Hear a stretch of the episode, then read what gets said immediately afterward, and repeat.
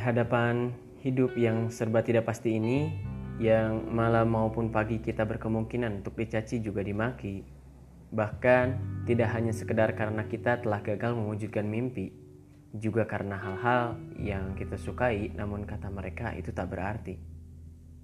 Sudah sejauh dan selama ini kita menahan, hanya karena sesuatu yang orang lain pikirkan.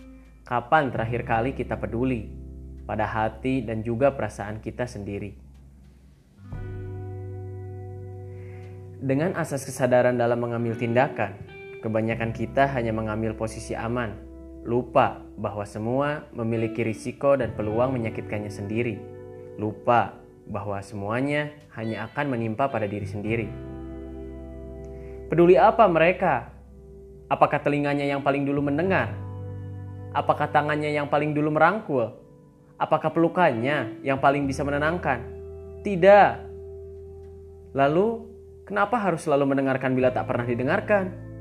Kenapa harus selalu menjaga bila tak pernah dijaga?